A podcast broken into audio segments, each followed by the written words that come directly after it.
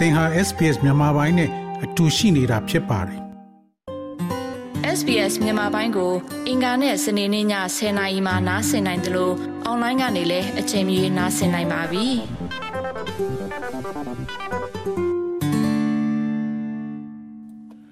တော်ရရှိမြခင်ဗျာအခြေချနေထိုင်ခြင်းလမ်းညွန်ကဩစတြေးလျမှာရှေးဦးသူနာပြုသင်တန်းကိုဘယ်မှာရနိုင်မလဲဆိုတဲ့ဆောင်းပါးကိုယခုတင်ဆက်ပေးမှာဖြစ်ပါတယ်။ လူအများစုကအရေးပေါ်အခြေအနေမှာတုံ့ပြန်ဖို့မမျှော်လင့်ထားပါဘူးအမှန်တကယ်သူတို့ဘာကိုလုပ်ရမလဲဆိုတာကိုလည်းအများကမသိကြပါဘူးစီရင်အများအရဆိုရင်ဩစတြေးလျမှာရှေးဦးသူနာပြုနီးတင်တန်းတယောက်သူဥယေသည်အရေးပေါ်တုံ့ပြန်မှုကိုလိုအပ်သော ထိခိုက်ဒဏ်ရာရမှု ဖြစ်ပွားမှုတွေကိုကင်တွယ်ဖို့အတွက်သိသိသာသာနေပါနေတာကို ပြသနေတယ်လို့ဆိုပါတယ် ဒါဆိုရင် လေ့ကျင့်ဖို့အကောင်းဆုံးနည်းလမ်းတွေကဘာတွေပါလဲ2019ခုနှစ်မှာချက်ချီနီအဖွဲ့မှဩစတြေးလျတွင်ဒဏ်ရာရသူတသန်းခွဲခန့်နှစ်စဉ်ဆေးရုံတက်နေရတော့လဲကဘာပေါ်တွင်ခြေဦးသူနာပြုတက်ထားသူနှုံးသည့်အနေဆုံးတစ်ခုဖြစ်ကြောင်းတွေ့ရှိခဲ့ရပါတယ်။အဲ့ဒီထဲမှာနာမချမ်းမှုတွေကိုကလေးပေါင်း6000နီးပါးရှိခဲ့တယ်လို့ဆိုပါတယ်။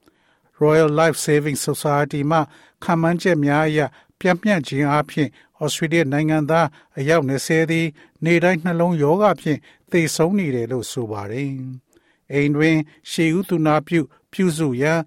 လိုအပ်သည့်ရာဂိုင်းနှုန်းမှာ60ခန့်ရှိတာကိုလည်းတွေ့ရတယ်လို့ဆိုပါတယ်။လုပ်ငန်းခွင်အရေးပေါ်အခြေအနေတွင် ရှေးဦးသူနာပြုစုရန်ဝန်ထမ်း3ဦးလျှင်တဦးထက်နည်းနေတယ်လို့ယုံကြည်ရပါတယ်။ Buckry သည်စေမှုအဖြစ်နှစ်ပေါင်း20ကျော်တာဝန်ထမ်းဆောင်ခဲ့ပါတယ်။ Western Sydney University တွင် Paramedicine ကတိကလည်းဖြစ်ပါတယ်။လူအများစုသည် အလုတ်အတွက်မလိုအပ်ဘဲရှေးဦးသူနာပြုသင်တန်းများမတက်ကြတော့လေအမှန်တကယ်တက်ထားပြီးရှေးဦးသူနာပြုစုနည်းကို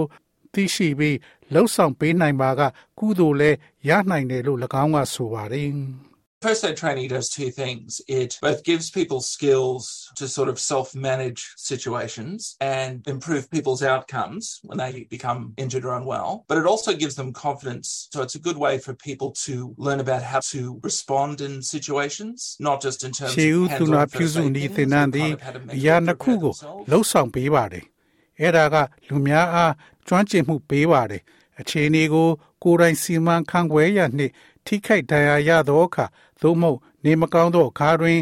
လူတို့ရဲ့ရလဒ်များကို တိုးတက်စေပါတယ်။ဒါကလည်းသူတို့ကိုယုံကြည်မှုပေးပါတယ်။ဒါကြောင့်အခြေအနေတွေမှာဘလို့တုံ့ပြန်လဲဆိုတာကို လူတွေလေးလာဖို့နီလန်းကောင်းတစ်ခုဖြစ်ပါတယ်။ရှေးဦးသူနာပြုပစ္စည်းများကိုဓာတ်ရိုက်ပါဝင်ပတ်သက်ကင်ဆာမှုသာမကဘဲစိတ်ပိုင်းဆိုင်ရာ ပြင်ဆင်တဲ့နည်းတစ်မျိုးဖြစ်ပါတယ်။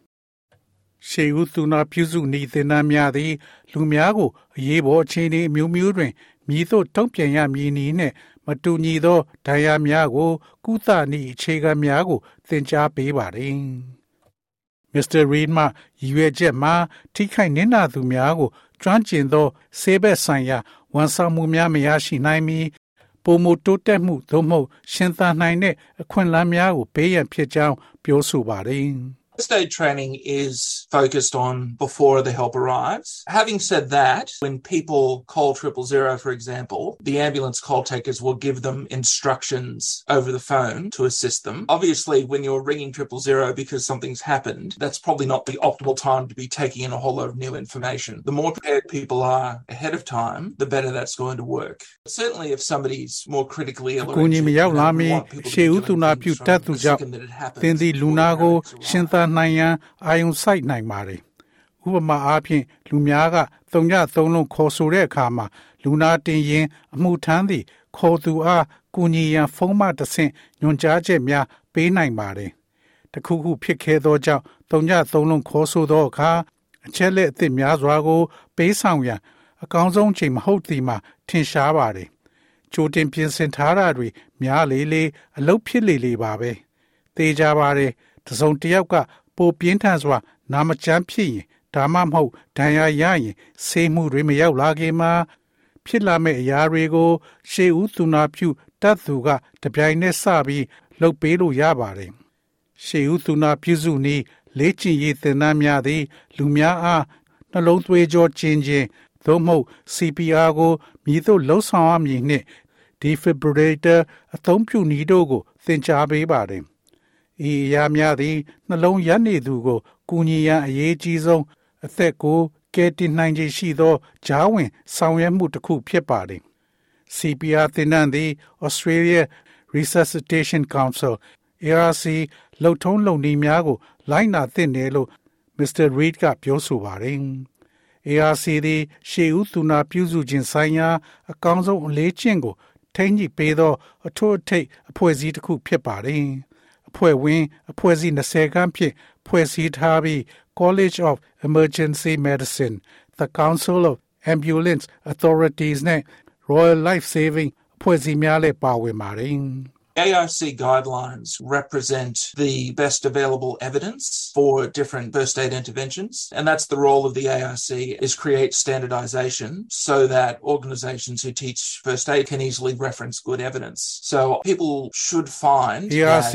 လမ်းညွှန်ချက်များသည်မတူညီသောရှေးဦးသူနာပြုစုခြင်းအတွက်အကောင်းဆုံးရရှိနိုင်သောအထောက်အထားများကိုကိုစားပြုပါသည်။ ARC ရဲ့အခန်းကဏ္ဍမှာရှေးဦးသူနာပြုစုနည်းများကိုသင်ကြားပေးသော အဖွဲ့အစည်းများသည်သက်သေထောက်ထားကောင်းများကို အလွယ်တကူကိုးကားစေနိုင်ရန်စံပြသတ်မှတ်ခြင်းကိုဖန်တီးခြင်းဖြစ်ပါတယ်။ထို့ကြောင့်သင်တန်းများသည် ARC အကြံပြုချက်များနှင့်ကိုက်ညီတဲ့အဖွဲ့ကို လူများကရှာဖွေသင့်ပါတယ်။ Dr. Finlay McNeil သည်ခွဲစိတ်ဆရာဝန်တူဖြစ်ပြီး Australia နဲ့ New Zealand ကယ်ဆယ်ရေးကောင်စီများနှစ်ခုလုံးအတွက်ရှေးဦးသူနာပြု Sub Committee ကိုဦးဆောင်သူဖြစ်ပါတယ်။ရှေးဦးသူနာပြုသင်တန်းများပို့ချပေးနေတဲ့အဖွဲ့အစည်းများစွာရှိကြောင်း၎င်းကပြောပါတယ်။ St John is, numerically speaking, the largest teacher of first aid in Australia and in New Zealand. But there are multiple other teachers of first aid. Red Cross is a very good example. Surf Life Saving, do this. Royal Life all teach first aid, and in some states and territories, also ambulance authorities have St. John's သည် Australia တွင်ရှေးဦးသူနာပြုသင်တန်းပေးတဲ့အကြီးဆုံးအဖွဲ့ဖြစ်ပြီး နယူးဇီလန်တွင်ကိန်းဂဏန်းများအများပြားရှိတော်လဲတခြားရှေးဦးသူနာပြုဆရာအများပြားလည်းရှိပါတယ်။ Red Cross သည်အလွန်ကောင်းသောဥပမာတစ်ခုဖြစ်ပြီး Serve Life Saving Royal Life Saving အားလုံးသည် ရှေးဦးသူနာပြုစုနည်းကိုသင်ကြားပေးပါတယ်။တချို့ပြည်နယ်နဲ့နယ်မြေများတွင်လည်း လူနာတင်ရင်အာနာပိုင်များကရှေးဦးသူနာပြုစုနည်းကိုရခင်ကသင်ကြားပေးခဲ့ပြီးတချို့ကလည်းအခုထိလှုပ်ဆောင်နေကြဆဲဖြစ်ပါတယ်။သင်တန်းပေးရန်အတွက်စီရင်သွင်းထားသောပုံကူများအတွက်ပံ့ပိုးသူများလည်းများစွာရှိပါတယ်။ဒေါက်တာမက်နီကထပ်ပြီးယခုလိုရှင်းပြပါတယ်။ Any private provider, that is, uh, any first aid teaching organisation that has an RTO status, um, registered training organisation status, is a valid choice to go and learn first aid. You should go to one of the မိသည့်ပုဂ္ဂိုလ်ကပံ့ပိုးပေးသည်မဆိုယင်းသည် RTO အဆင့်ရှိသောရှေးဦးသူနာပြုစုသည့်သင်ကြားရေးအဖွဲ့အစည်းဖြစ်ပါတယ်။မှတ်ပုံတင်ထားသောလေ့ကျင့်ရေးအဖွဲ့အစည်းအခြေအနေသည်ရှေးဦးသူနာပြုစုနည်းကိုလေ့လာရန်မှန်ကန်သောရွေးချယ်မှုဖြစ်ပါတယ်။ သင်သည်အသိမှတ်ပြုထားသော အဖွဲ့အစည်းတစ်ခုသို့သွားသင့်ပါတယ်။အဲ့ဒါက RTO အဖွဲ့ဝင်တွေဖြစ်ပါတယ်။ရှေးဦးသူနာပြုသင်တန်းအများစုကို လူကိုယ်တိုင်သင်ကြားပေးတော်လဲတချို့မှာ online သင်ခန်းစာများလည်းပါဝင်ပါတယ်။ Deb Low သည် Brisbane ရှိ ချက်ချီနီအတွက်ရှေးဦးသူနာပြုစုရန်ဒေသဆိုင်ရာနေမီခေါင်းဆောင်ဖြစ်လှုပ်ဆောင်နေသူဖြစ်ပါတယ်။ကွဲပြားသော သင်ယူမှုလိုအပ်ချက်များကို ဖြည့်ဆည်းပေးရန်အတွက်ရောနှောသင်တန်းပေးမှုများကိုလည်းရွေးချယ်မှုများကအကူအညီပေးနိုင်တယ်လို့သူမကဆိုပါတယ်။ the benefits to having a blended online component is that it allows you to do this at your time and your own pace, which is important for different kinds of learners who may need a little bit more time to reflect, to absorb the information, and also allows to go back and reread and revisit some of that information. And we also, with the online learning component, have the functionality for closed captioning, so that can allow for ရောဆက်ထားတဲ့ online အစိတ်ပိုင်းတစ်ခုရှိခြင်းရဲ့အကျိုးကျေးဇူးတွေထဲကတစ်ခုကတော့ သင်ရဲ့ကိုယ်ပိုင်အချိန်မှာသင်ရဲ့ကိုယ်ပိုင် လေးလာနိုင်မှုနှုံးနဲ့ဒါကိုလှုပ်ဆောင်နိုင်စေတယ်လို့ကျွန်မထင်ပါတယ်အချက်လက်များကို မှတ်သားရန်အချိန်အနည်းငယ်ပို၍ရလို့ရောင်ပြန်ဟန့်ရန်လိုအပ်သည့်မတူညီသောသင်ယူသူများအတွက်ဒါကအရေးကြီးပါတယ်ပြီးတော့အဲ့ဒီအချက်လက်တချို့ကို ပြန်သွားပြီးပြန်ဖတ်ပြီးပြန်ကြည့်ဖို့လဲခွင့်ပြုပါတယ်ထို့အပြင်ကျွန်ုပ်တို့သည် online သင်ယူမှုအပိုင်းနဲ့အတူ closed caption အပိတ်စာတမ်းထိုးခြင်းအတွက်လှုပ်ဆောင်နိုင်စွမ်းလည်းရှိပါတယ်။သို့မှသာ online အစိတ်ပိုင်းကိုဘာသာစကားများစွာဖြင့်ဘာသာပြန်ဆိုနိုင်စေမှာဖြစ်ပါတယ်။ Miss Low ကမိဘများနှင့်ပြုစုစောင့်ရှောက်သူများသည်ကလေးများနှင့်ကလေးများအတွက်အထူးပြုရှေးဦးသူနာပြုသင်တန်းကိုလှုပ်ဆောင်ရန်ရွေးချယ်ခွင့်ရှိတယ်လို့ထပ်လောင်းပြောကြားပါတယ်။ It covers the difference between, say, first aid for an adult versus child or infant, CPR. We look at safety in the home and how to minimise risks within the home, medical situations such as choking and asthma, allergies, bleeding. The whole idea behind this course is giving us those tools to feel safe and confident in the decisions that we make and to know that there are other resources ရွေရောက်ပြီးသူနဲ့ကလေးသုံးမှုဝေကင်းစကလေးများအတွက်ရှေးဦးသူနာပြုနည်းဖြစ်ပါတယ် စီပီရာကြားခြားနာချက်ကိုဒါကခြုံငုံမိစေပါတယ်အိမ်တွင်ဘေးကင်းရေးနဲ့အိမ်တွင်ရှိအန္တရာယ်များကိုမိကဲသို့ရှော့ချနိုင်တယ်လေ choking asthma allergy သွေးထွက်ခြင်းစသည့်ဆေးဘက်ဆိုင်ရာအခြေအနေများကို ကြီးစုပေးပါတယ်ဤသင်တန်းရဲ့နောက်ွယ်မှစိတ်ကူးတစ်ခုလုံးကကျွန်ုပ်တို့ပြုလုပ်သော ဆုံးဖြတ်ချက်များက လုံခြုံပြီးယုံကြည်စိတ်ချရတယ်လို့ခံစားစေရတဲ့ လိုအပ်ပါက nurse on call ကဲ့သို့သောအကူအညီအတွက်တခြားအရင်းမြစ်များရှိကြောင်းသိရှိရန်အဆိုပါသင်တန်းကပေးဆောင်ထားပါတယ်။ဩစတြေးလျတွင် ရှေးဦးသူနာပြုစုခြင်းဆိုင်ရာအရေးချင်းများကိုသုံးနှစ်တစ်ကြိမ်တက်တန်းတိုးသင်ပြီး CPR တွင်မွမ်းမံသင်တန်းကိုနှစ်စဉ်နှစ်တိုင်းပြန်ပြုလုပ်ရန်အကြံပြုထားပါတယ်။ဒေါက်တာမက်နီကရှင်းပြပါတယ်။ Training is really important for CPR. It really does help to have been trained in this. And unfortunately, at the moment, probably only 5% of Australians actually have a current first aid certificate. And the ability to do CPR CPR လေ့ကျင့်ရေးကတကယ်အရေးကြီးပါတယ်။ဒါကိုလေ့ကျင့်သင်ကြားထားတာကတကယ်ကိုအထောက်အကူဖြစ်စေပါတယ်။ကံမကောင်းစွာပဲလောလောဆယ်မှာ Australian နိုင်ငံသားများရဲ့900ခိုင်နှုန်းကသာလက်ရှိရှေ့ဦးသူနာပြုလက်မှတ်အမှန်တကယ်ရှိနေနိုင်ပါတယ်။ပြီးတော့ CPR လုံနိုင်စွမ်းကသင်နောက်ဆုံးလုပ်ခဲ့တဲ့အချိန်ကနေကြာလာလေအချိန်နဲ့အမျှပြောက်ကွယ်သွားနိုင်ပါတယ်။ရှေ့ဦးသူနာပြုသင်တန်းများသည်သင်တန်းချိန်ဘလောက်ကြာလဲဆိုတာကွဲပြားနိုင်ပါတယ်။တချို့ကနိုင်20ကနေ2ရက်လောက်ကြာမြင့်ပါတယ်။ တချို့မှာနိုင်ငံတနိုင်ငံလုံးအလိုက်အသိမှတ်ပြုခံရပြီးတချို့ကတော့အဲ့လိုအသိမှတ်မပြုခံရပါဘူးအချို့သည်ရုံးပါဝင်ကျင်အတွက်သင့်လျော်ပြီးတချို့မှာပြင်ပလုပ်ငန်းခွင်များအတွက်သင့်လျော်ပါတယ်သင်တန်းသားများနှင့်လုပ်ငန်းခွင်များသည်၎င်းတို့ရွေးချယ်သောသင်တန်းသည်၎င်းတို့လိုအပ်ချက်များနှင့်ကိုက်ညီကြောင်းသေချာစေရန်လိုအပ်တယ်လို့ Mr. Reid ကပြောဆိုပါတယ်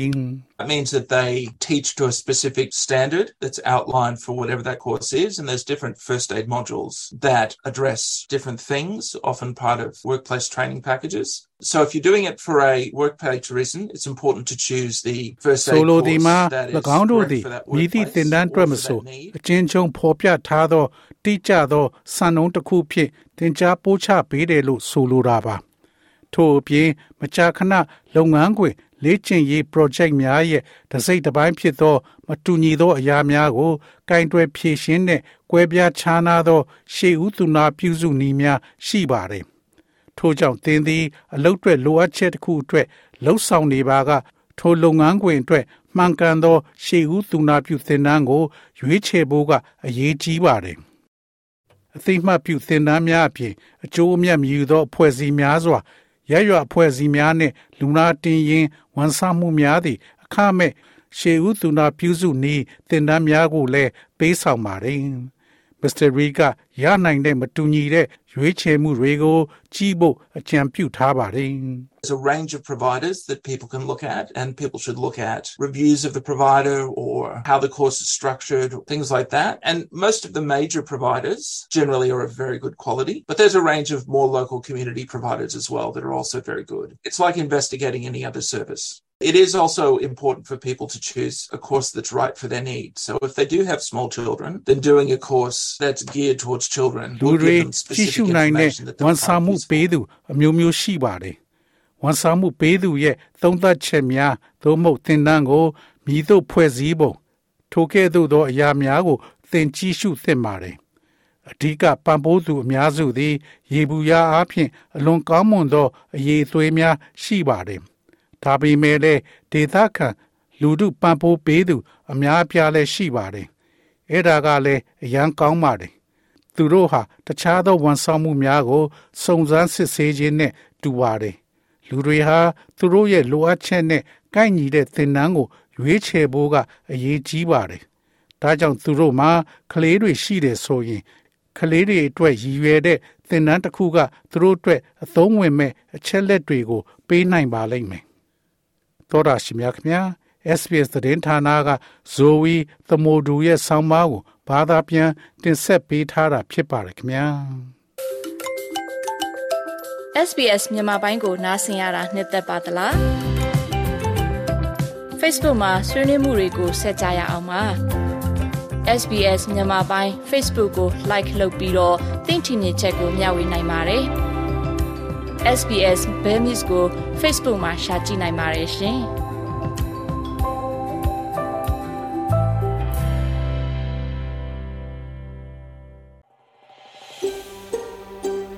။ဒါမျိုးသတင်းဆောင်မတွေကိုပိုနားဆင်လိုပါလား Apple Podcast Google Podcast Spotify တို့မှာသင်ပင်ရာဖြစ်ဖြစ်ရယူတဲ့ podcast ကနေပါ။